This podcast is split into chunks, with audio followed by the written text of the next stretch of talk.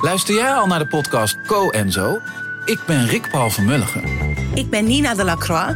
En samen met jouw man René voeden wij twee kinderen op in twee huizen. Co-ouderschap. We hebben het over alles wat je daarin tegenkomt. Maar ook over de juice tijdens onze kinderloze dagen, want die heb je ook in het co-ouderschap. Een podcast voor alle ouders in alle vormen, maar ook voor alle mensen zonder kinderen. Zijn we eerlijk, heerlijk herkenbaar. Dus luister naar Co en Zo in je favoriete podcast-app.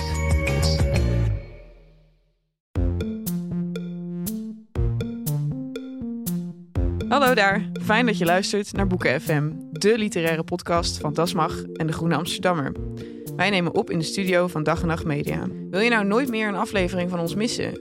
Abonneer je dan nu in je eigen podcast-app en geef ons ook vooral een heleboel sterren en recensies. Dan zijn we ook zichtbaarder voor anderen die ons misschien willen luisteren. Heb je een vraag voor ons of ben je heel erg boos, vooral op Joost? Stuur dan een mail naar boekenfm.dasmag.nl. En we zijn tegenwoordig ook te vinden op Instagram, boekenfm. Yes, jongens, wat fijn dat jullie hier zijn in deze. XXL Live Club. Het is altijd grappig, want als wij Boeken FM opnemen, zitten we meestal in een soort isoleercel. En het is nu zo gezellig om mensen tegenover ons te gaan zitten. En Charlotte zei van tevoren al, we zijn voor de terrarium vibe gegaan. Dus die warmen het komende uur op tot 60 graden. En zullen dan afgeslankt en mild dood de wereld weer ingaan. Heerlijk, hè?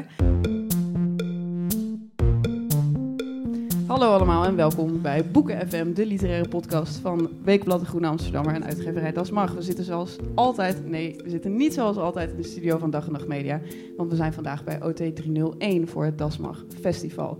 Welkom allemaal. We hebben vandaag niet alleen luisteraars op de opname, maar ook luisteraars live. Dus dit is voor ons eh, even wennen. Dat doen we eigenlijk helemaal Jongens, nooit. laat je even horen. Yay! Super gezellig. Mensen zwaaien, dat vond ik ook leuk om erbij te zeggen. Dat mensen niet alleen gilden, maar ook zwaaiden naar, naar de microfoon, denk ik. Vandaag gaan we het hebben over eh, een boek dat eh, net in Nederland opnieuw is verschenen, maar al eh, een aantal jaren bestaat, namelijk Kitchen van Banana Yoshimoto. Toen we het horen kregen dat we dit gingen doen, Joost, was jij heel erg enthousiast. Kun jij mij vertellen waarom? Ik had het al gelezen. En ehm, ja, dat is zo'n boek, dat, het is van 88. Dus het is echt al een hele tijd is het er. Het is ook heel lang in Engelse vertaling en ook altijd in druk geweest. Zo'n heel fijn, mooi uitgegeven, eh, slanke, knalroze eh, uitgave. Die ik echt al door meerdere mensen ben aangeraden om dat een keer te lezen. Dus toen heb ik het ooit gelezen. Ik weet dat eh, mijn collega Marja Pruis er heel erg gek van. Ik weet dat Pauline Cornelissen er heel erg gek van is. Dus het is echt zo'n boek dat een beetje rondging. En ik Nou, was dus heel verheugd dat het nu opeens eh, in nieuwe, nieuwe vertalingen uitkwam. Dit was de eerste keer dat ik erover eh te weten kwam, maar toen ik het een beetje ging opzoeken, toen... Ja, maar ik als, als eh, elke keer dat jij iets voor het eerst te horen krijgt de maatstaf is... Ja. Dit is wel ongeveer het publiek, Joost. Ja, oké. Dat ben ik. Ja. It's Ja. me. Jij bent... Jij, ja, Ehm, oké. Maar toen ging ik het even opzoeken en toen zag ik dat het toen het verscheen een enorme rage was. Dat er zelfs werd gesproken van banana mania. Kun je dat verklaren, dat fenomeen? Nou, ja, doe maar even. moet ik nou een shotje drinken als ik antwoord geef eigenlijk op je vraag? Het gekke is dat ehm de jaren tachtig gewoon een hele bijzondere periode in Japan was. Zowel Japan maatschappelijk als eh, Japan cultureel gezien. Was echt een periode waarin de luiken heel erg open gingen. En eh, dan denk je van, Joost, waarom, waarom weet je allemaal dingen over Japan? Eh, dat was dan puur, moet ik erbij zeggen, mijn vriendin was op zomervakantie een boek aan het lezen van Tanizaki. Ah, In Praise of Shadows. Nee, Stille Sneeuwval. Oh, Die, dat is de, prachtig. de Ja, ja. zusters Makiaki. Ja, ja, ja. En daar was ze echt helemaal weg van. En eh zo was ook de hele tijd dingen over aan het vertellen. En ik had er echt nog nooit van gehoord en nog nooit gelezen. En dat vind ik heel, heel irritant.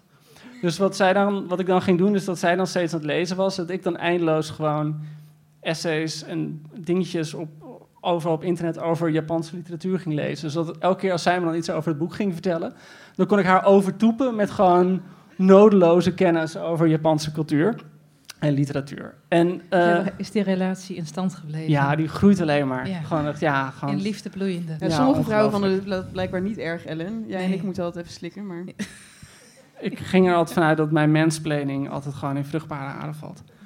En het grappige is dat, dat zeg maar tot de jaren 70, tot eind jaren 70, Je moet je voorstellen, Japan is heel laat gemoderniseerd. Tot einde 19e eeuw zat Japan gewoon op slot. Dan mochten geen buitenlanders komen. Er was heel weinig handel. En de handel die er was, was allemaal heel gereguleerd. Dus het was eigenlijk ja, een feodale maatschappij tot de Meiji-restauratie. Zo werd het genoemd. Dus dan heb je het over de tweede helft 19e eeuw.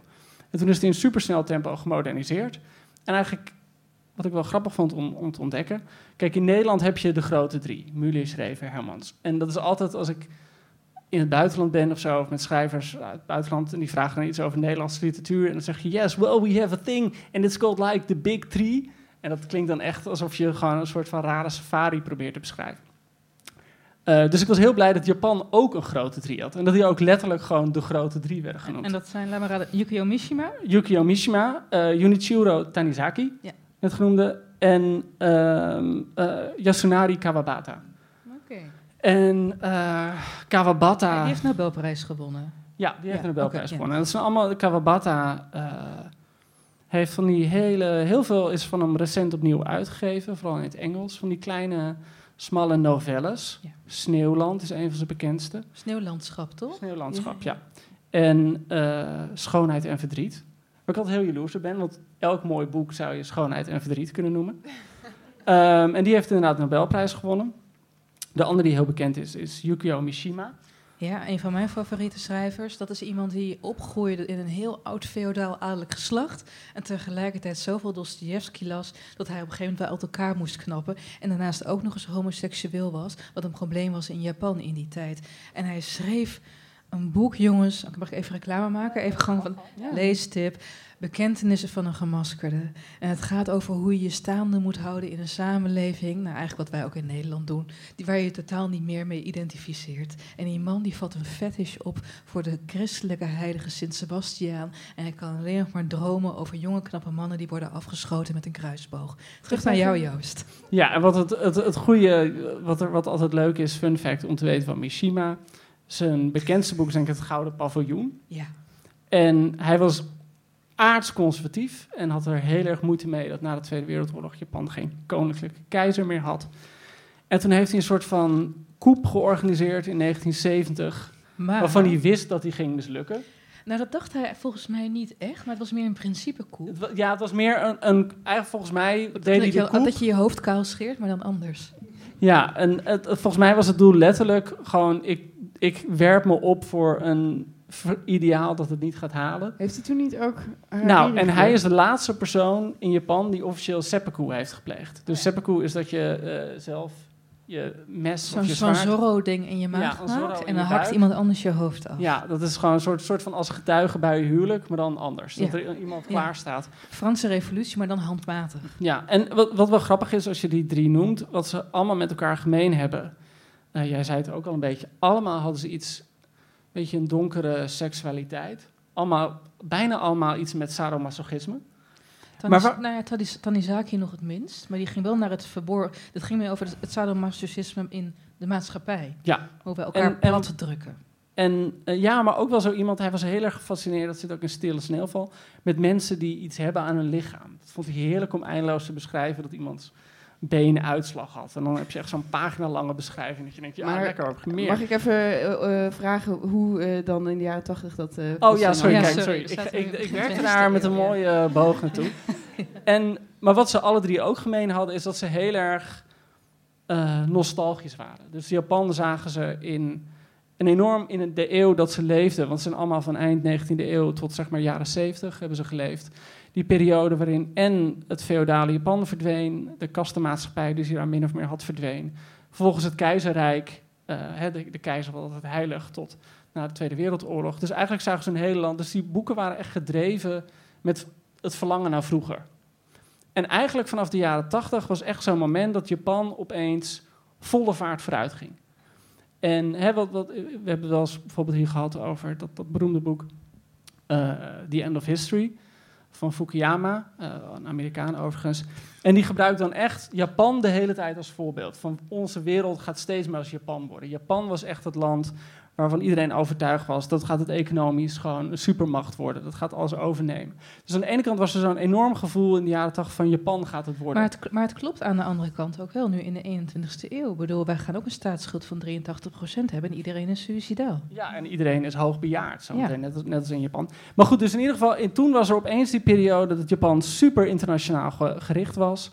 eh, niet meer bezig was met achteruitkijken, heel erg vooruit. En in, eigenlijk moet je in, in die categorie, eh, met dat in achtergrond, denk ik, de debuten van zowel Murakami eh, als Yoshimoto lezen. Omdat het eigenlijk, dat merk je meteen in dat eerste verhaal, het is best wel iemand die modern in de maatschappij staat. Ze eh, zijn heel erg bezig met donuts eten en ze gaan naar Kentucky Fried Chicken. En het zijn mensen die echt zo ja, de, de, de wereld intrekken op een gekke manier. En dat was, echt, dat was echt iets nieuws in Japan in die tijd. En Murakami kwam toen met een aantal boeken, onder meer eh, Norwegian Wood. En de Norwegian Wood kwam in twee banden uit. De ene band was groen en de andere was rood. En dan gingen mensen dus helemaal outfits bedenken met die kleurcombinatie. Echt? Ja, dat was echt een ding. En tegelijkertijd had je van Banana Yoshimoto dus Banana Mania. Dit, Ja, is, ja, dit is mijn lange, mijn lange aanloop naar, naar Banana Yoshimoto. Maar wat houdt Banana Mania in? Ze werd gewoon door een heleboel jonge mensen gelezen. Een soort werd door Sally heel veel Rooney. ja, maar gewoon een soort Sally Rooney. En gewoon miljoenen verkoop. En het is twee keer verfilmd, het boek. En over de hele wereld vertaald. Dus het was wel echt vanaf het moment dat het uitkwam, was het gewoon aan.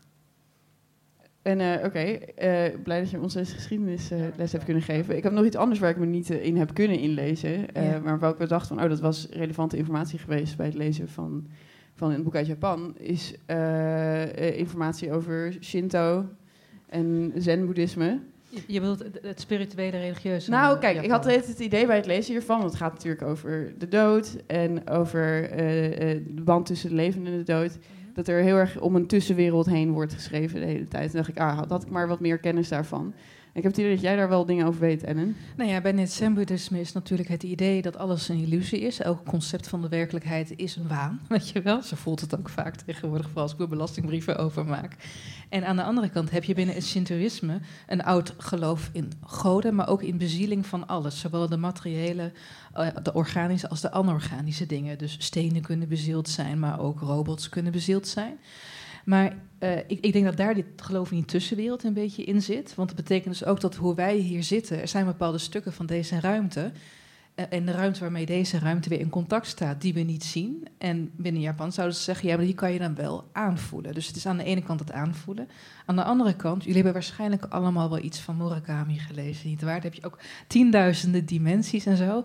En ik denk dat zowel in het werk van Murakami als in het werk van Yoshimoto het ook een metafoor is. Dat je naar een plek kan gaan waarin je ook ontsnapt aan die daverende jaren tachtig. Aan die competitiesamenleving. Aan dat keurslijf waar aan de ene kant, want Joost vertelde het al over die Meiji-restauratie. het devies van die periode was westerse technieken, dus westerse industrie, de westerse samenleving, het westerse economisch model nadoen, maar oosterse waarden. Dus dat hele ingetogene, niet je emoties laten blijken. En dat zie je ook in het werk van Murakami. De tussenruimte, of dat nou een droom is of een zijdimensie waarin je belandt, is een plek waar je eindelijk niet meer hoeft te zijn wat de samenleving van jezelf verwacht. En dat zie je ook in de dromen die in het boek voorkomen. Zullen we het anders even hebben over het boek, specifieker? Eh, wat we altijd voor de luisteraars moeten doen die misschien het boek nog niet gelezen hebben, is eh, vertellen waar het over gaat. Eh, Mag ik een hele vraag, heeft iedereen het hier gelezen? en Handen? nou zitten ze natuurlijk heel braaf te ja, maar is ja, er iemand die het niet heeft En gelezen? dan kunnen we die gewoon met z'n allen Dat mag ook hoor. gewoon, Nee, geen punt. Dat doen de luisteraars, die weten, hebben het ook niet gelezen natuurlijk. Dus dat vinden wij niet geen, erg. geen shame. dat- Toch? Geen shame, ja. Dat vinden wij niet erg. Eh, eh, voor de mensen die het niet gelezen hebben. eh, het is eigenlijk een bundel van twee verhalen. Kitchen en Moonlight Shadow. In het eerste verhaal is de hoofdpersoon Mikage haar oma, haar enige voogd, verloren. En wordt ze eigenlijk door een excentriek gezinnetje opgenomen in een appartement in Tokio. Waar ze opnieuw moet leren houden van het leven. Om het even heel kort samen te vatten.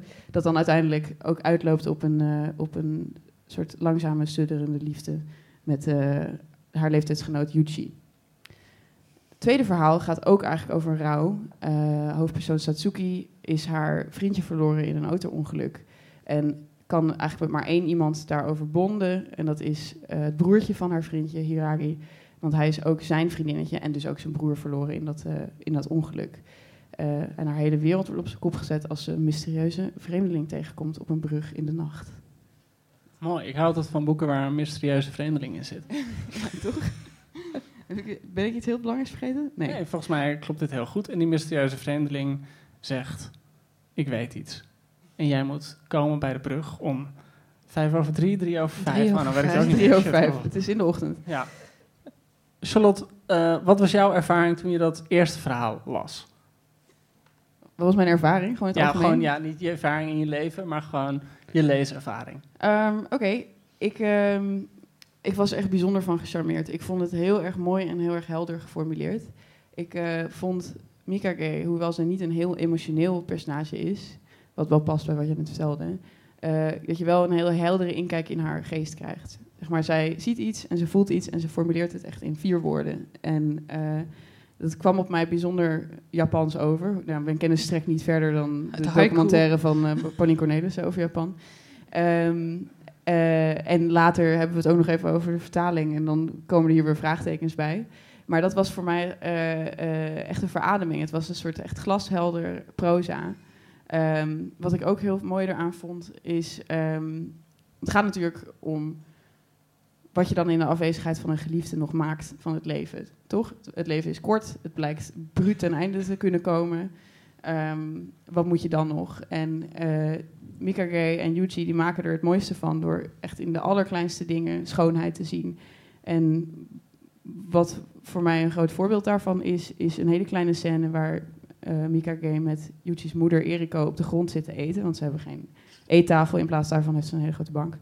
Eh, en ze schenkt groene thee in een doorzichtig glas en daar schijnt dan weer het licht doorheen. En dan ziet ze de weerspiegeling van het licht op de vloer. En daar zit ze dan even naar te kijken, naar dat groene schijnsel. En dat is volgens mij een soort samenvatting van hoe zij naar de wereld kijkt. En dat vond ik heel erg mooi. Ja, maar het, het gaat ook om de, de troost die je kan hebben uit lijfelijk bestaan. Dat je er Eten. zelf nog bent. En inderdaad, namelijk eten. En ik weet niet hoe het met jullie zit, maar als ik diep in de rouw ben, dan krijg ik geen hap meer door mijn keel. En ik vond het tegelijkertijd heel inspirerend hoe zij zich helemaal volpropt. Het is gewoon echt alsof het een soort verslaving is. En ik wilde zelf ook, ik ben halverwege toen ik het boek aan het lezen was, ben ik gestopt met lezen en ik ben naar de supermarkt gegaan om ingrediënten voor spring rolls te halen. Weet je, dat je die gewoon zelf gaat vouwen en zo, omdat het zo goed beschreven is. Het is echt heel inspirerend om zelf aan de kook te gaan. En ik denk ook dat eh, eten is natuurlijk een heel aardende bezigheid en zo. Daarom heb je na een crematie of begrafenis altijd een plak cake, weet je. Wat er gebeurt is met je bloedsuikerspiegel en je hormoonlevels. En je staat even er heel anders in. Ik denk dat dat een van de grote troostdingen is als je in de rouw zit.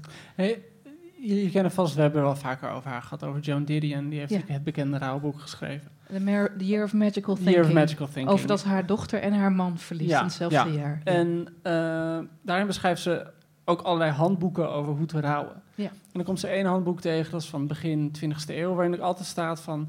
als je naar een begrafenis gaat, moet je zorgen dat er iemand achterblijft die soep voor je klaarmaakt. Oh ja. En als je terugkomt wil je namelijk niet eten, maar je moet wel eten, want je lichaam heeft het nodig. En dan is soep het beste om te eten. En het viel me op dat eigenlijk alles dat ze maakt... eh, ik zat wel na te denken van wat betekent die keuken nou precies? Welke metafoor is dat? En ja, die, al het eten dat ze maakt is wel een soort van troostvoedsel, had ik het gevoel. Ja, het is grappig ook dat, dat, dat het dan zegt dat je soep moet maken. Want eh, als je gaat kijken naar de osmotische waarde van vruchtwater, dat is het eerste wat wij eten, weet je wel. Er zitten zouten in, er zitten lipiden in. Dan is technisch gezien mensensoep het eerste wat we eten als het leven begint. Dus hierbij kan je ook zeggen, soep na een begrafenis is het eerste wat je gaat eten als de dood is begonnen. Ik vind het wel grappig dat Joan Didion dit heeft gezegd, want zij had zelf alleen maar cola en amandelen. En verder helemaal Wat niks. een held. en ze, ze had ook sigaretten, dat is geweldig. Dat is al de soep, denk ik. Maar goed, het- jongens, even terug naar het boek. Boek. Jij, dacht, jij zag de keuken wel als een metafoor ergens voor. Nou, ik vroeg me dat af, want het, het grappige is, kijk, ik, je leest zo'n boek altijd met de, de gekke dingen die je in je hoofd hebt. En ik had net over die traditionele, of dat die hang naar nostalgie ehm, zitten kijken. En dat, die nostalgie ging ook heel erg over man-vrouw relaties en zo. En hier is de keuken, ik bedoel, het is bijna dat je denkt van, goh, vrouw in de keuken. Maar dat is het juist helemaal niet. Eventjes, eh, ik bedoel, Michael die slaat wel een soort brug tegen, of een soort muur tussen zichzelf en de vrouwen in de keuken die ze uiteindelijk Ja, dat bedoel ik. Ik bedoel dat ze absoluut niet aansluit bij die vrouwen in de keuken. Het zijn daar- huisvrouwen die lachen als bloemetjes. En die doen dat alleen maar om voor hun man lekker te kunnen koken. Maar als Gay kookt, is dat dan wat anders. Ik vond Ja. het zo interessant. Zij ziet zichzelf als iemand die soort van op een intelligentere manier aan het koken is. Nou, eigenlijk is ze troostrijk voedsel voor haar geliefde aan het koken. Hij is dan nog niet haar geliefde. Nee, maar je, voelt natuurlijk aan alles dat dat hele idee van koken, dat dat liefde door de maag. Eh, dat, dat, dat voel je een beetje aankomen natuurlijk. Ik vond het ook nostalgisch. Want er, waar ik heel erg dat jaren tachtig Japan in zie, is dat Eriko, die nu dan heel veel geld aan haar club verdient, eh, eh, komt steeds thuis met van die keukenapparaten, toch? Zij heeft haar hele huis vol met sapcentrifuges en weet ik veel wat, wafelijzers. Dus zij koken zelf ook niet echt. Op een gegeven moment wil ze eten en denkt ze, nou, ik bestel wel wat. Wat ook echt modern is, lijkt mij. Ehm, dus dan zou Mika Gay toch weer een nostalgisch personage zijn in zo'n hypermoderne roman. Ja, maar gaat het niet verder dan, of, dan techniek? Het gaat volgens mij om verbondenheid. En die Mikae die beseft op een gegeven moment dat ze geen enkele bloedverwant meer heeft op aarde. En gaat op zoek naar manieren om opnieuw te beginnen. Volgens mij is dat de kern. En de enorme. Ik moest denken aan een boek van Susan Sontag. eh, eh, God, illness is a metaphor. Ja. En dan heeft ze het op een gegeven moment over dat, we, dat de mensen eigenlijk in twee rijken leven. De ene club mensen leeft in het rijk van de gezonde mensen. Dus je hebt geen probleem met je lijf. En de andere helft leeft in het rijk der zieken. Dus je hebt een probleem en daardoor beleef je de wereld heel erg anders. En ik denk dat het ook geldt voor mensen die verse rouw hebben meegemaakt. En mensen die er alweer van hersteld zijn, als jullie begrijpen wat ik bedoel. Ik weet niet wie van jullie zich recentelijk nog een, een geliefde heeft verloren, maar je loopt anders door de wereld. Opeens. Ik, heb, ik had het toen mijn grootmoeder overleed een paar jaar geleden. Ik liep door de wereld. Ik dacht van, er zijn zoveel vreemde mensen. En niet als in weird, maar unknown people. Strangers. En in de rouw zitten is ook een emotie dat je niet meer leuk mee kan doen met de rest, waardoor je ontzettend geïsoleerd raakt. En dat hebben die personages allebei in dat eerste verhaal. Zondag, of eh eh, Didion, om haar er weer bij te halen, Ja. die eh, beschrijft in dat boek ook dat je, als je zelf in de rouw bent, mensen herkent die op straat Ja, maar ik ook. Ja, ik kan En dan gebruikt ze ja. metafoor dat het mensen zijn die eruit zien alsof ze net hun zonnebril hebben afgezet. Dat er iets naakt, Mm. iets onbeschermds in die oogopslag zit. Maar dat heb, daar vinden Mika en Yuchi elkaar toch ook heel erg in. Ik denk een hele sprekende scène is dat zij samen de hel inkijken. Dat doet me heel erg hier aan denken. Zeg maar, ze zijn samen aan het rouwen, want Yuchi verliest zijn moeder Eriko. En dan beseffen zij eigenlijk van elkaar van... we hebben allebei tegelijk die hel ingekeken. En dat is het enige wat ze, dan, wat ze dan bindt op dat moment of zo. Hoe vonden jullie, want ditzelfde thema zit natuurlijk in het tweede verhaal. Ja. Ik weet niet of we, of we de verhalen door elkaar heen mogen Nee, dat mag. vast wel. Hoe vond je dat daar werken dan? Nou, ik vind het wel interessant dat je erover begint. Want ik las in een recensie van The Guardian... eh, eh, van toen dit verscheen, of toen het voor het eerst in het Engels verscheen bedoel ik. En daarin stond van... eh, ja, Moonlight Shadow, dat is het eerste verhaal dat van Yoshimoto gepubliceerd is... dat is toch een kinderlijkere versie van de thematiek van Kitchen. Dus het had niet in dezelfde bundel moeten worden opgenomen... Want Kitchen is de volwassenere, gepolijstere versie van, van eh, Moonlight Shadow. Ik weet niet of ik daar helemaal mee eens ben. Het heeft natuurlijk overlappende thematiek. Maar even, ehm, eh, een, eh, even een test onder de mensen. En dan gaan we het met handen in de lucht doen en kijken of het, wie vond het eerste verhaal het mooist. Oké, oké. En het tweede verhaal? Oh, Oké. oh, ik had, oké. Het tweede, eerste ik heb wel verhaal harder de- gehuild voor het tweede verhaal. Het eerste verhaal duidelijk populairder. Ehm, ja, was gewoon even opnieuw. Ja, nee, maar duid, duid dat eens dan. Oké, Maar- Moonlight Shadow. Maar ze, ze zijn wel van elkaar te onderscheiden. Het is niet dat de ene een discount-versie is van de andere. Ook al worden ze door de thematiek, namelijk rouw en vervreemding door rouw, heel sterk met elkaar verbonden. Ik vind het tweede verhaal veel magisch realistischer. Ook omdat er een typisch ja, Murakami-personage in komt. Bij die boeken van Murakami heb je altijd zo'n manic pixie dream person, weet je wel. Een gekkie die even een andere twist aan het leven geeft. En dat heb je nu met die Urara. Oerara. Weet je wel? Trouwens, hoe raar is het? Als, weet je wel, ik zou toch meteen de politie bellen. Als iemand zegt, oh, ik weet nu waar je huis woont. Ik heb een verrassing voor je. Kom s ochtends wanneer niemand op straat ik, heb is je, de ik, weet, ik heb je nummer goed gegokt. Ah. Nee, maar zij herkende ook die naakte oogopslag in elkaar. Dat was toch de Ja, reden ja, dat ze op haar af was Ja, dat stappen? kan, ja, dat kan het lot zijn. Ja. Of een schizoïde Nee, persoonlijkheidsstoornis. dat zegt ze ook tegen het Satsuki. Van, ik wist dat jij hier ook mee bezig was. Ja, ik ben het ergens eens met de meneer van The Guardian, de- omdat ik de stemmen van Satsuki en Mikage wel heel erg op elkaar vind lijken. Zeg maar, je had Ik dacht even dat het gewoon toch, doorging. als je, als Ja. je niet al te goed op de namen let, dan zou je best kunnen denken dat dit dezelfde verteller is. Eh, ik vond het. ehm, en ja, ik stoor me altijd aan magisch realisme, dus maar dat ben ik. Dat, eh, de, Oh. dat vind ik ook wel lastig als er iets. Maar in het eerste verhaal heb je ook een beetje magisch realisme, want die twee komen elkaar in hun dromen tegen. Ja, maar ik zag dat, ik heb dat metaforisch gelezen, maar misschien zijn jullie het niet helemaal met mij eens. Ik dacht, ik dacht gewoon van één van de twee denkt dit. En de ander durft niet te zeggen dat hij dat niet heeft gedroomd. Ja, precies.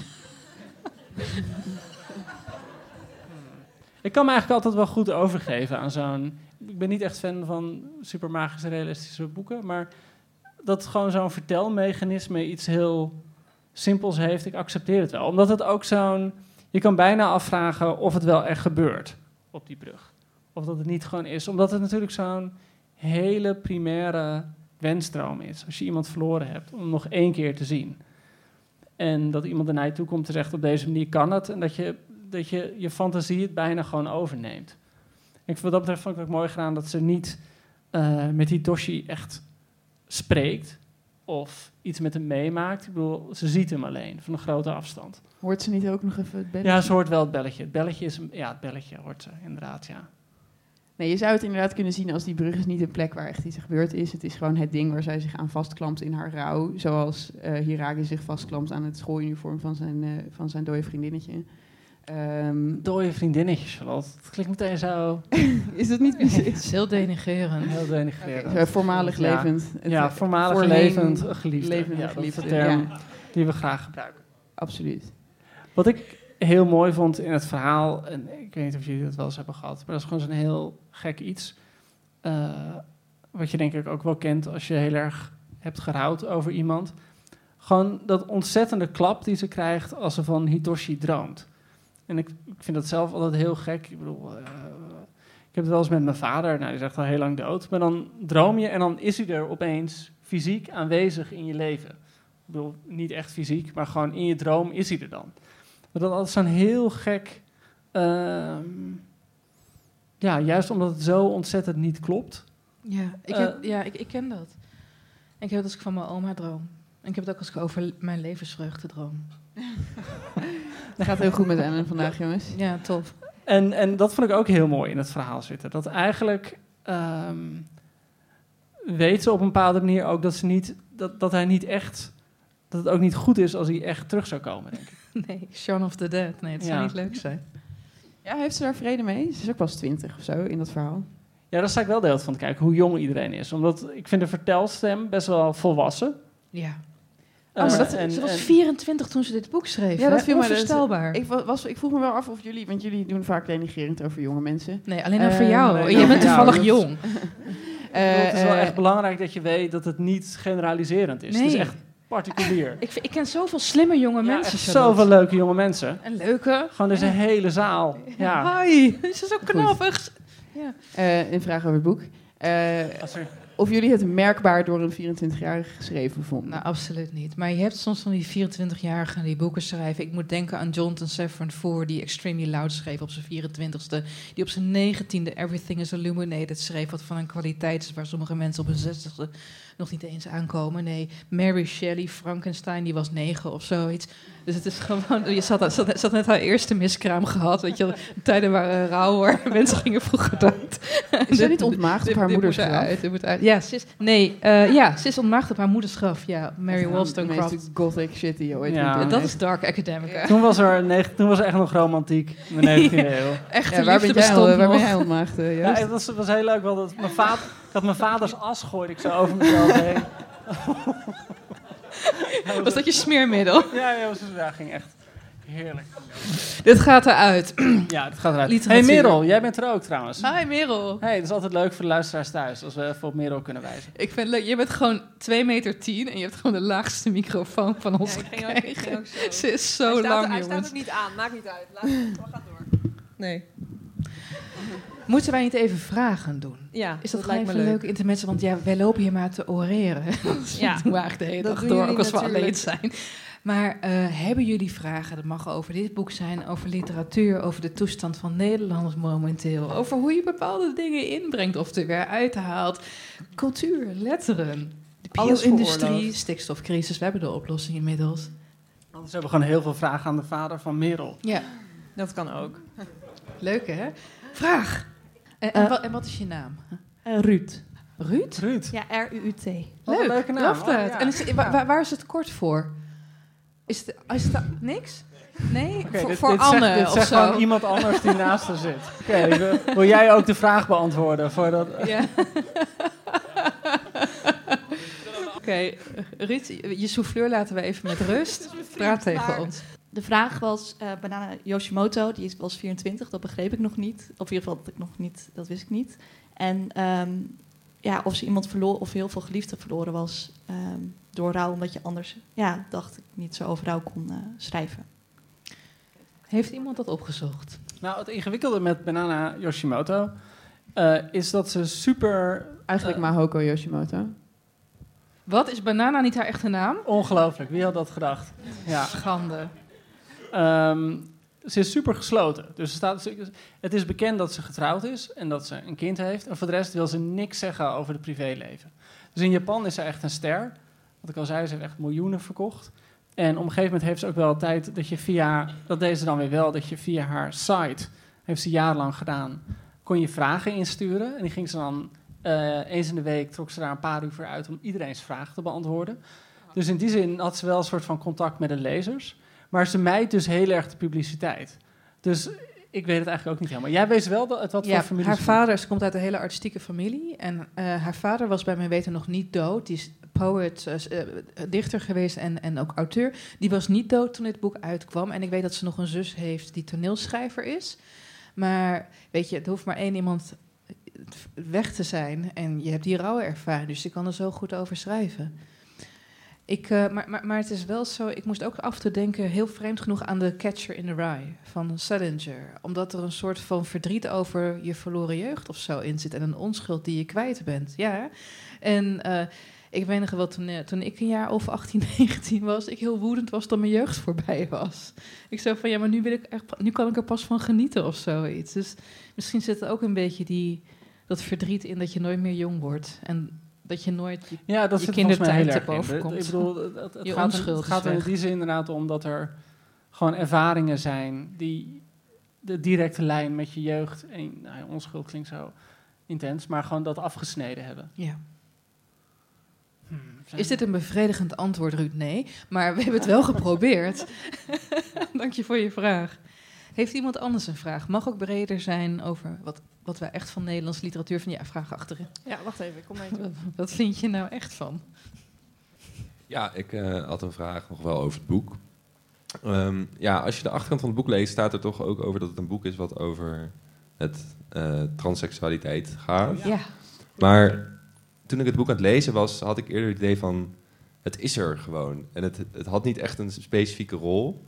Dus misschien ligt dat aan mij, maar misschien hebben jullie daar nog iets... eh, een mooie uitleg over. Of iets. Ja. Nou, we, hebben, we hadden best Bedankt. wel moeite om hier inderdaad een soort gedachte over te formuleren. Omdat dat het feit dat Eriko trans is, eh, niet heel instrumenteel voor het verhaal lijkt nee, te de, zijn. de enige keer dat het, het wordt benoemd op het moment dat eh, ze Eriko voor het eerst ziet. En dan wordt gewoon puur beschreven dat het ongeveer de mooiste vrouw is die Ja. ze ooit heeft gezien. Had zij het woord charisma uitgevonden of zo? Wat was Ja. ook weer? Maar ik denk ook dat, dat wanneer je gaat kijken naar hè, wat voor rol heeft dat trans nou in dit boek, dan ben je eigenlijk anachronistisch bezig. Want we zitten momenteel in een tijdsgewicht waar er terecht heel veel aandacht is voor transseksualiteit, dat om er meer begrip voor te kweken.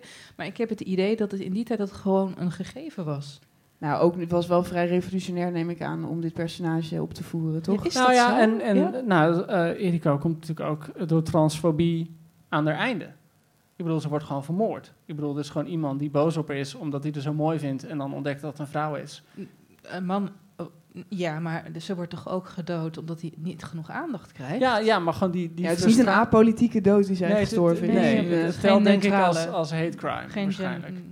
Maar dat, dat, ik, ik, ja, ben eigenlijk hoop, misschien heeft iemand daar hier wel iets slimmers over zeggen dan Want wij in het konden tweede bedenken. deel heb je natuurlijk ook eh, een jongen die bij wijze van rouw in meisjeskleren rondloopt. Dat jongere broertje dat loopt erbij alsof hij zo in Sailor Moon kan spelen. Hiragi. Hebben wij daar nog gedachten over? Nou, ik wou nog één ding. Ik vind het moeilijk om iemands genderidentiteit als metafoor te lezen. Maar goed, alles in een boek is natuurlijk verzonnen.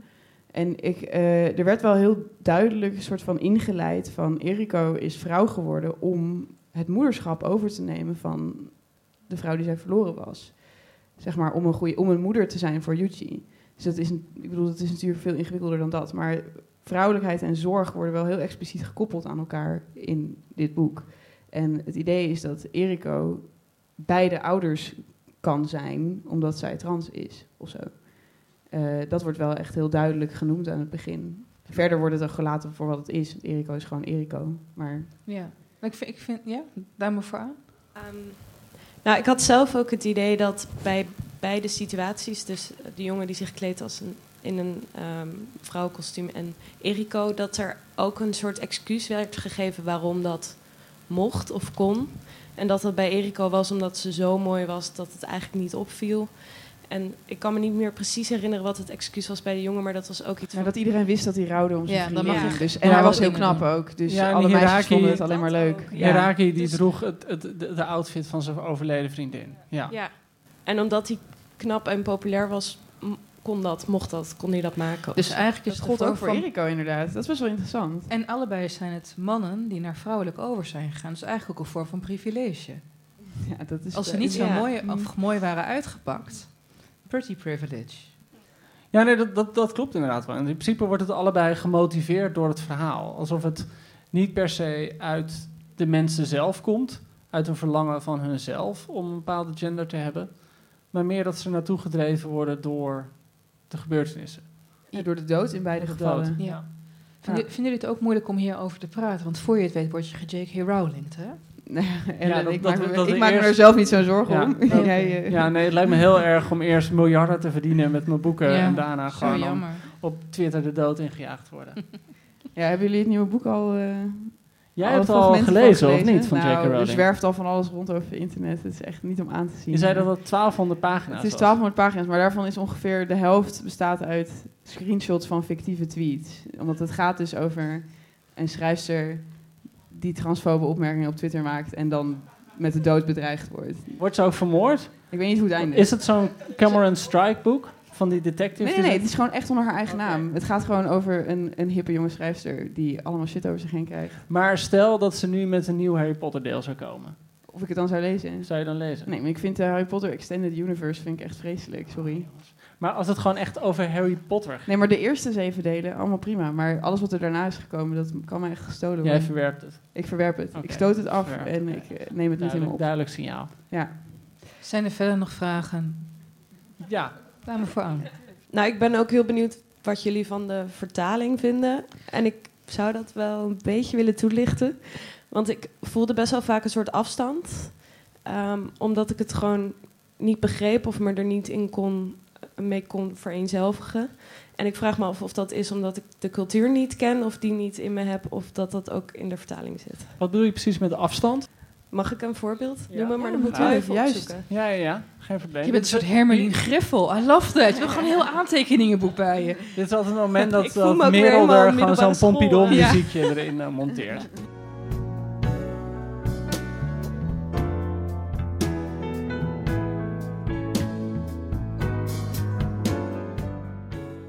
Ik heb ernaast geschreven wie praten zo Japanners. en ehm, de zin is: hun lachende gezichten straalden goddelijk. Dat vond ik een zeer goed teken. Oh, ja. Ja. Nou, grappig, want we hadden in het voorgesprek met onszelf... hadden we het hier over. Jullie hebben namelijk zowel... En Merel, ja, Merel ook. en ik, ja. Merel en Ja. Joost hebben de Nederlandse vertaling gelezen... maar ook de Engelse. En daar schijnen Ja. Twee verschillende boeken eigenlijk te zijn. Merel, take it away. Oké dan. Ehm, nee, wat ik heel opvallend vond, was dat, ehm, dat ik echt het gevoel had dat ik twee verschillende boeken aan het lezen was. Omdat de sfeer in de, in de, in de Engelse vertaling eigenlijk veel ja, bloemrijker was. En er staan ook veel meer bijvoeglijke naamwoorden bij. En eh, ik heb ik had het gevoel dat, daar, dat ik daar meer de emotionele laag in voelde. En dat toen ik de Nederlandse vertaling las, het veel soberder was. En het echt heel sec allemaal beschreven werd. Ehm, en ik vind het dus heel frustrerend dat ik zelf geen Japans kan lezen. Om, te, om te, erachter te komen wat voor mijn gevoel nou het beste erbij past. Want het kan ook best zo zijn dat de Nederlandse vertaling misschien wel veel meer ja, daaraan raakt, aan het origineel. Maar ja, daar zal, zal ik waarschijnlijk niet achter komen. Ja, wat altijd een probleem is met naar het Nederlands vertalen, is dat het meer woorden krijgt. En dat, dat merk je volgens mij heel erg. Ik durf te wedden dat de Engelse vertaling 10.000 woorden korter is dan de Nederlandse. Nou, ja, maar nou, ik weet niet. De alinea's. Het, voelt dus echt langer. Nou, ik heb gewoon zinnen zitten vergelijken. En ik kon niet echt ontdekken dat er dingen misten, maar wel dat er gewoon de zinnen langer leken te zijn. In het Nederlands dus? In het Nederlands, ja. Dat heb je heel vaak hoor. En wat ik voor mezelf merkte, is dat ik het boek vrolijker vond in het Engels. Ja. Ehm, ja, dat voelt dat een beetje gek, maar het, op een of andere manier leek het uh, sneller te zijn. Maar het eigenlijke antwoord is dus waarschijnlijk dat die zin onvertaalbaar is. Uh, dat iemand, wat is het? Dat, wat was het ook weer? Dat iemand goddelijk, goddelijk straalt van goddelijk licht. Um, dat, dat zal waarschijnlijk iets eh, in het Japans staan en het gewoon niet te vertalen is naar het Nederlands. Dat is, lijkt mij dat dat geldt voor een heleboel dingen. Maar, maar, maar, het is sowieso zo tricky als je vertaalt. Hè? En zeker als je het vanuit een hele andere cultuur doet. Je hebt in het Chinees een, uh, een spreekwoord, wat uh, ik dus heel lastig te vertalen is. Maar dat, het gaat ongeveer, ik denk dat doe het anders maar in het Chinees. ik doe het in het Chinees helemaal. Het gaat ongeveer als volgt. Een vertaald literair werk lezen of een vertaald gedicht lezen is hetzelfde als kijken naar de achterkant van een borduurwerk. Dus je ziet wel welke kleurstellingen er zijn, et cetera. Maar je kan je alleen indirect de voorstelling maken van wat er aan de voorkant afgebeeld moet worden. En ik bedoel, ik zit zelf meer in de poëzie, maar als ik kijk hoeveel problemen er al zijn in Europa over het vertalen van gedichten die in verwante talen aan elkaar verbonden zijn. Neem het werk van de Zweedse dichter Thomas Tranströmer. Nou, Zweeds en Nederlands broer, neefjes en nichtjes zo ongeveer. Maar het loopt zo uiteen. En ik kan me ook zo indenken dat die Engelse vertaler veel meer creatieve vrijheid heeft genomen. Ja, ik denk het wel. Want ook als ik. Ik, ik zat nu naar een voorbeeld te zoeken, maar uh, het is nogal een groot stapel papier. Maar um, dat, er, dat er zinnen waren die ik me herinnerde uit de Engelse vertaling. en die ik toen in het Nederlands las. En dat ze gewoon totaal verschillen van betekenis. Ja, grappig. Ja, en dat er helemaal andere voorbeelden in worden gegeven. Dus ik denk dat een van de twee vertalingen inderdaad heel veel creatieve ja, je vrijheid met, heeft Met Murakami heb je het altijd heel erg. Tenminste, in het Engels zijn er twee vertalers van Murakami. Jay Rubin en iemand wiens naam ik ben vergeten. En dat ze, die boeken verschillen echt als dag en nacht. Bij de ene zijn ze best wel grappig en, en monter, en die andere zijn veel serieuzer. En die twee vertalers hebben dus altijd ruzie met elkaar wie nou de echte, de beste vertaler is. Dus ja, je, je bent natuurlijk altijd gewoon overgeleverd aan... Ja, uh, je moet het er maar mee doen als lezer. We kunnen je geen bevredigend antwoord, maar wel een uitgebreid antwoord geven dus. En misschien leuk om nog een keer dan de Engelse vertaling ook, ook te lezen. Ja. We hebben hier voor een vraag.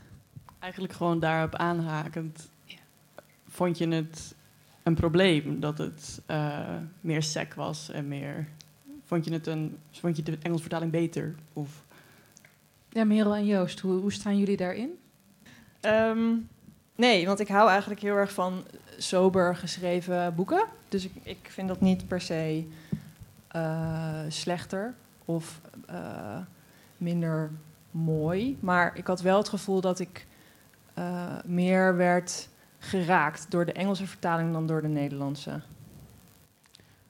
politiek correct antwoord. Hè? Maar is het niet ook omdat dat gewoon de eerste keer was dat je het las? Dat ja, zou dat is ook kunnen. ingewikkeld inderdaad. Ja. Dat is ingewikkeld, ja. Ja, het Engels is meer een taal die je ook veel meer in films en songteksten. Het is meer zo'n sprookjestaal. Ja, het komt gewoon anders bij je binnen uiteindelijk. Maar had jij dat ook wat Merel zegt? Dat vond jij fijner, de Engelse of de Nederlandse? Je hebt het voor ik vond, het eerst ik Engels? ja, ik heb hem eerst in het Engels gelezen ja. en toen heb ik hem nu in het in, weer in het Engels gelezen, vorige maand en nu vlug nog in het Nederlands gelezen. Um, en ik vond niet dat er echt een kwaliteit, in die zin een kwaliteitsverschil was. Ik ben wel met je eens, maar ja, dat is heel moeilijk. Soms lees je een verhaal opnieuw omdat je weet dat het heel mooi is. En dan ga je zo op zoek naar die emotie, omdat je weet dat die gaat komen. En ik heb ook heel vaak, dat ik denk dat heel veel mensen dat hebben met, met boeken. Ik denk helemaal met films. Dat, dat je, hoe vaker je iets kijkt, hoe emotionerender het is. Want dan weet je gewoon dat die emotie komt en dan beweeg je er naartoe. En bij het tweede verhaal, wat me heel dierbaar is, las ik het in het Engels, ging ik heel makkelijk naar die emotie toe. En de tweede keer in het Nederlands misschien iets minder, maar misschien ook omdat ik het net, sorry, het is een saai antwoord, maar ook Ja. omdat ik het net een paar weken ervoor dus weer gelezen had. Sorry Merel. Oké, Joost. Ja, ik, ik richt Nee, me op jou, want bedankt. ik heb het idee, ik, zeg, ik leg het gewoon aan jou, maar het is natuurlijk daar de vraag. Eh, Hebben we nog tijd voor... Hoe laat is het trouwens? Ja, we hebben nog tijd. We hebben nog tijd. Er was nog een vraag daar. Ik zag daar achterin. Ja. Ik, ik vroeg me af, in de context van waar we het eerder over hadden, over de, dat die gender een soort van de- in dienst lijkt te zijn van de situatie waarin de karakters zich vinden. Want een van de stukken die ik raar vond lezen in het eerste verhaal is die brief van Iriko naar haar, haar zoon. Ja. Ehm, en ik dacht, is dat misschien iets in de vertaling ook? Of is dat omdat ze zegt, van, ik heb geprobeerd de pre-transitie mannelijkheid die ik had, heb ik geprobeerd ja, weer een soort van in leven te roepen in deze brief. Ik heb het in mannentaal geprobeerd te schrijven. Dus ik vroeg me af, ze zegt er van, nou ja, ik denk dat ik misschien vermoord ga worden binnenkort. Is dat dan ook, moeten we dat dan ook lezen als die poging om weer die mannentaal terug te vinden eh, als de, de noodzaak van de situatie? Is dat een soort instrumentele beslissing geweest? Nou, ik denk dat we hierbij... Ja, wat een goede vraag. Ik denk, als, als, jullie pakken maar even bij. Wat ik weet van het Japans. Mijn neefje studeert Japans, maar ik ben totaal geen alfa. Maar ik snap er ongeveer dit van. Dat ook de persoonlijke voornaamwoorden... eh, en dat, eh, de, eh, wanneer je, dat, dat de ik voor een man een andere ik is dan die voor een vrouw. Maar ik... Ja, het staat ook in de noot de van de vertaler. Oh, staat het eh, staat, eh, uitgebreid uitgelegd eh, wie in oeps, welke nou vorm goed, heb ik niet eh, van mijn neefje dan. spreekt. Maar Eh, ik ben soms bang dat we hier Japans voor zouden moeten kunnen... om ook die lading te kunnen begrijpen. En ook om, om de powerwoorden... misschien dat het typisch masculine woorden zijn... misschien dat het ook typisch... Ja, kijk eens even, zijn de zinnen afgemeten? Ja, nou, het grappige is, ja, je kan het er wel in lezen als je wil. In de zin dat Eriko, eh, zoals Mikage de leert kennen, eh, heel elegant is en charmant en aardig. En die brief is eigenlijk veel duidelijker van... met zulke mensen heb ik geen medelijden, hoe zwaar ze ook lijden. Ik heb mijn kaart ingespannen om vrolijk door het leven te gaan. Ik ben, gewoon, het is heel zo bam, bam, bam. Maar ja, dit is alleen omdat ik het er echt nu specifiek in wil lezen, hoor. Er, zit wel, er wordt wel gebruik gemaakt van harde retoriek. Ja. Dus weinig koppelwerkwoorden, we- weinig verzachtende Het is woorden. taal zonder twijfel. Ja, ja. En dat wordt ma- vaak met masculiniteit geassocieerd. Maar ik weet niet... Ik vind het dus echt jammer dat we niet met z'n allen Japans kunnen. Want ik, ik kan me zo voorstellen hoe het vervoegd is en dergelijke. En je weet natuurlijk ook niet wat voor allusies er zijn naar andere literaire teksten. Want deze Yoshimoto komt uit een extreem literaire omgeving. Dus misschien dat ze wel verwijzingen heeft naar het hoofdkussenboek, ik zeg maar wat. Of het verhaal van Genji, noem maar op. Dus dat is echt een soort... hier- hierin zijn we blind. Waar is Maarten Liebrecht? Waarom is hij niet... Ja, waar is de vertaler? Misschien is hij hier wel al die tijd. Maar Man, Nee, nee, hij kon er niet... In de er tussenwereld. Weet je, zullen wij... Ik, ik ga dit aan mijn neefje vragen. Eh, sorry, ja, dit was echt helemaal Sorry, geen we hadden het breder, maar we zijn beperkter. Eh, dan hebben we nog tijd voor vraag. Oh, het zijn nog veel meer vragen. Ja, er zijn allemaal vraag, vragen. maar eentje van Oké, je we doen nog vriendje. twee vragen en dan gaan we even naar het andere onderdeel. Ja, Ja. twee vragen nog. Jij mag. Ja, eerst dacht ik er niet zo heel veel van. Ehm, ik zag net het rinkelende autosleutels in de eerste twee verhalen. En daar dacht ik niks van totdat ik het belletje las in het, het derde verhaal. Tweede vraag. Ja. het tweede verhaal, ja. En toen las ik daarna dat, even herinner ik me dat het eh, tweede verhaal eerder geschreven is. En een voorbeeld is bijvoorbeeld, terwijl ik met rinkelende sleutels onder de sterrenhemel liep, begon de ene na de andere traan over mijn wangen te stromen. Ik weet niet of het jullie ook opgevallen was, maar ik was wel benieuwd naar. Oh, dat dat rinkelen steeds terugkomt, bedoel je? Ja, en het zijn vaak sleutels of autosleutels. Oh, dat was me helemaal niet opgevallen. Nee, mij eigenlijk ook niet scherp opgemerkt. Ja, ja dat is echt Oh, heel scherp. Nou, je zou, als je, als je Nieuwe denkt- host, ja. Als Kitchen inderdaad een, ver, een ver- verpec- verpectioneerde versie is van, eh, van Moonlight Shadow, dan is dat misschien Maar een verwijzing. Het is natuurlijk wel, wa- wat ik, wat ik weet van, van, van diensten in Shinto-tempels, is geluid. En het rinkelen van dingen, ook van bellen, is heel belangrijk. Dus misschien dat het ook voor iemand die bekend is met Japanse cultuur staat voor die momenten van verstilling en één zijn met het alles. Maar daarvoor ben ik ook te weinig Japans. Eh, ik had een vraag over het woord eh, of de beschrijving transparant, die heel vaak in, in ieder geval het eerste verhaal naar voren kwam. Eh, als niet een ruimte transparant is, dan wel de tijd. ik hoopte dat misschien de mensen die het in het Engels ook gelezen hadden, konden zeggen dat dat gewoon een grappige vertaling is van iets dat in het Engels heel anders eh, wordt uitgelegd. Um, en anders zitten we weer met hetzelfde, namelijk dat het gewoon iets Japans is waar we niet bij kunnen. Nou, over transparantie. eh, wie van jullie heeft trouwens In Praise of Shadows gelezen van Tanizaki? Eentje. Nou, da- daar heeft hij, eh, hij heeft daarover het verschil in esthetiek, in schoonheidsbeleving tussen het Westen en het Oosten. En als, om een voorbeeld aan te halen, wij hier in het Westen houden van felle lampen, we houden van felle bling en alles. In het Oosten is de schaduw meer geprezen. Dat zie je bijvoorbeeld in de hele cultuur van lakkendoos. Je ziet ook eh, de duurste edelsteen in het oosten is niet de diamant, maar is jade, wat een veel subtielere gloed heeft. En ik kan me zo voorstellen, transparantie, kijk, voor ons heeft dat een hele positieve connotatie in het Westen, helderheid, wetenschappelijkheid, maar ik kan me indenken dat het in het Oosten iets is van too much, weet je wel? Wat, wat wij als een soort van bureaulamp zouden zien, beschouwen zij als een TL-buis, die ongewenst ook dingen blootlegt die meer aan subtiliteit en de tussenruimtes voorbehouden zou moeten blijven. Dit was mijn wilde open antwoord. Wat een gok. Joost, over naar jou. Eh, Merel, mijn assistent. Ik zie dat jij eh, druk in de archieven bent gedoken. Ja, ik ben aan, op zoek naar, naar... Weet je nog Mag een een passage van jouw met, cola in waar een transparant in zit? Ja. Dit is een soort Nee. 2 voor 12 moment, dat we ook zo'n klok Ja, laten lopen. klok. Kan ik tijd kopen? Ja. Nee, ik heb hem niet paraat vanuit de Engelse vertaling. Nee, Eh, ik ook niet, nee, helaas. Sorry, ik had niet op alle woorden gelet. Nou, om maar, maar met Mark Rutte te zeggen, daar komen we op terug. Oké, jongens, dan over terugkomen gesproken. Wordt het nu tijd voor eh, Spel. het, eh, het meest Spel? gevreesde onderdeel van elk eh, college, namelijk de groepsopdracht. Ehm, Oh ja. ja. Wat wij wel eens doen in de podcast, ik weet niet of jullie allemaal luisteraars van Boek FM zijn. Ik Wie, wie, heeft er wel eens een aflevering geluisterd, jongens? Yay! Oh, wat leuk! Oké, kansloos. Yay. Nou, van mij, van mij, mijn reactie is kansloos. Als jullie dan de laatste twee seizoenen ook nog hebben geluisterd, dan Met we- Charlotte. met mij, dan eh, Ja. eh, doen we sinds een tijdje eh, iets dat fancaster heet, waarbij we eh, het boek dat we aan het lezen zijn proberen van een filmcast te voorzien. Ehm, en wij zouden graag het tweede verhaal, Moonlight Shadow, van een filmcast willen voorzien.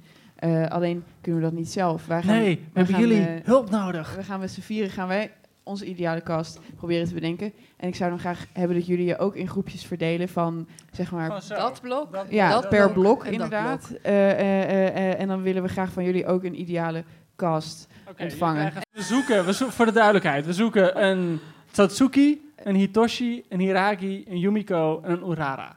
De tijd, Zijn jullie er klaar voor? Tijd- ze tijd gaat dit nu in, aan. oké. De tijd gaat nu in.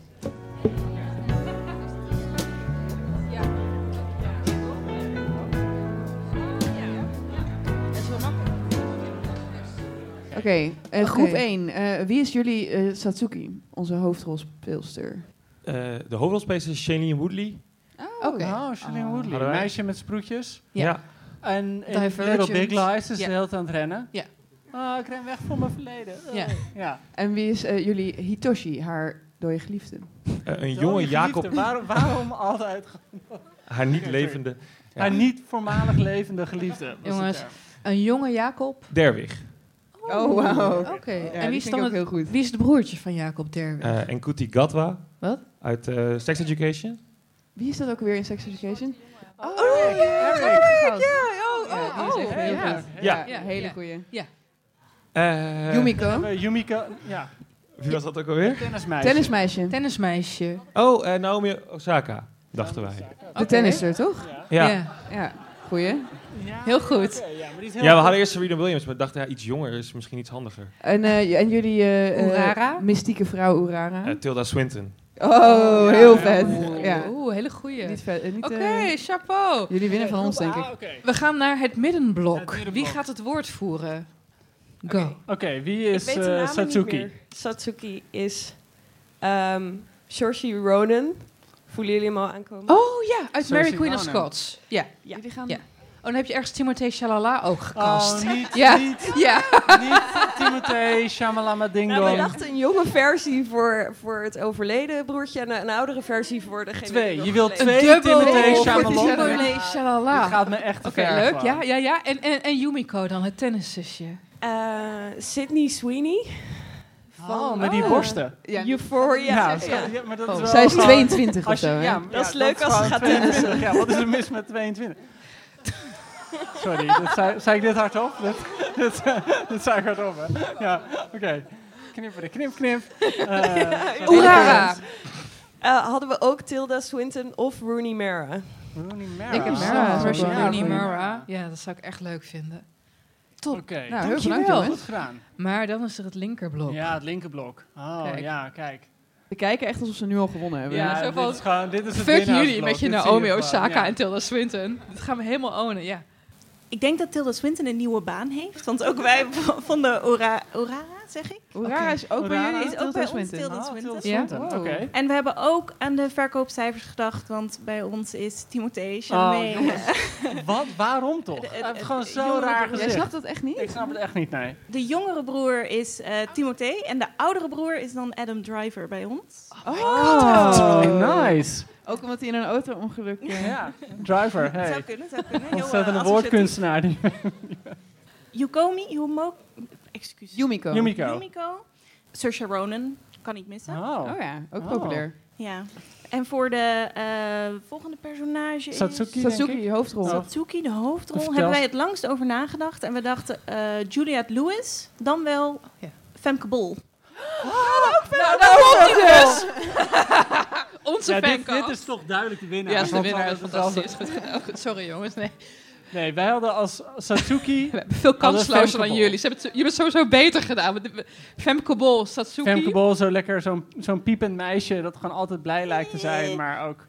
Van binnen kapot je denkt, is. hoe lang hou je dat vol? Onze Hitoshi moest natuurlijk een hunk zijn, maar niet al te lang. Dus wij dachten, we gaan voor Sander Schimmelpenning. Ja, gewoon een beetje zo... En hij is ook dood. Hij is ook... Ja, ja, ja. Eh, onze Hiragi had natuurlijk Timothy Chalamet kunnen zijn, maar wij hebben gekozen voor... Harry Styles, want hij draagt wijvenkleren. Altijd vrouwenkleren, dat is Harry En hij is Styles. knap, hij komt ermee weg. Nou ja, eh, Yumiko mag jij uitleggen, maar ik heb geen idee wat dit is. Is dit weer zoiets dat wij dan per ongeluk oud zijn? Ja, we zijn heel Ja, oud. dat is echt Heeft 100 iemand zomaar Ik ben gasten- zo blij dat Merels vader er is. Misschien moeten we Ja. die bij Ja, elke podcast je- hebben. je maakt ons Dat we veel jong. gewoon- Dankjewel. Heeft Want iemand zomaar gasten gezien met Lieke Marsman even? Ja, voor de helft. Oké. Oh, sorry. Oké. Want toen, toen moest je naar bed van je vader of wat? van mezelf. Oké, oké. Wij hadden Martina Hingis als Yumiko. En Martina Hingis... Stel je eens iemand voor die totaal niet tegen de verlies kan. Heel verbeterd tennister. Woedend! Weet Ja. je wel? Echt gewoon van die twee kookaureolen om haar neus gaat en slaan met die bal. Dat vonden wij wel grappig bij deze Yumiko. En wij hadden als Urara... Ik heb het bedacht van, oké, Urara is in het boek natuurlijk 25 of zo, maar we dachten iemand die echt zo'n mystiek aura heeft, Ja, zo'n gewoon energie. een zwart, leeftijdsloos figuur. Leeftijdsloos figuur, dus het is bij ons Cher. Ja, gewoon in zo'n string en visnetkousen en zo'n Ja. leren jasje. Eh, dank jullie wel allemaal voor het eh, casten met ons. We gaan geen winnaar uitroepen. Ik vond allemaal dat jullie het heel goed hebben Jullie gedaan. zijn allemaal winnaars. Ja. Eh, wat we nog wel even gaan doen, en daarvoor gaan we de microfoon denk ik gewoon hier laten, toch? Anders moet je Ja. wel rennen. ja, roep maar. Eh, Mag dat, is Merel? we- wat gaan we doen? eh, we gaan nu even allemaal een cijfer geven. Oh mijn god. Ja, daar eindigen we We altijd beginnen eh, zo en we slalommen doorheen en iedereen mag een cijfer geven. En ik reken ondertussen En mee. Ellen, die rekenwonder. Jij gaat het echt doen? Ja, ja, ja. Ja. ja, Je bent niet eens aan het meeschrijven. Jongens, ik ben Rainman. Ik kan dit. Prima, dan eh, beginnen we links voor.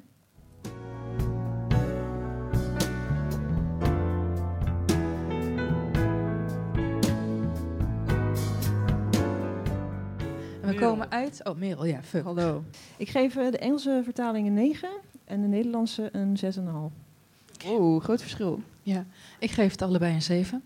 Ik geef het allebei een 7,7. Ja, ik Ja. vond het echt een dikke 9,5 jongens. Ik heb ervan genoten. Yeah. En we komen uit, ik heb meegerekend, en dat komt omdat het heel erg fluctueerde op een 7,43 en afgerond een 7,4 voor Banana Moshi- Yoshimoto. Het is een beetje bananenpuree geworden voor sommige mensen, hè, die gewoon echt op die banaan trapten van dat je het helemaal niks vond.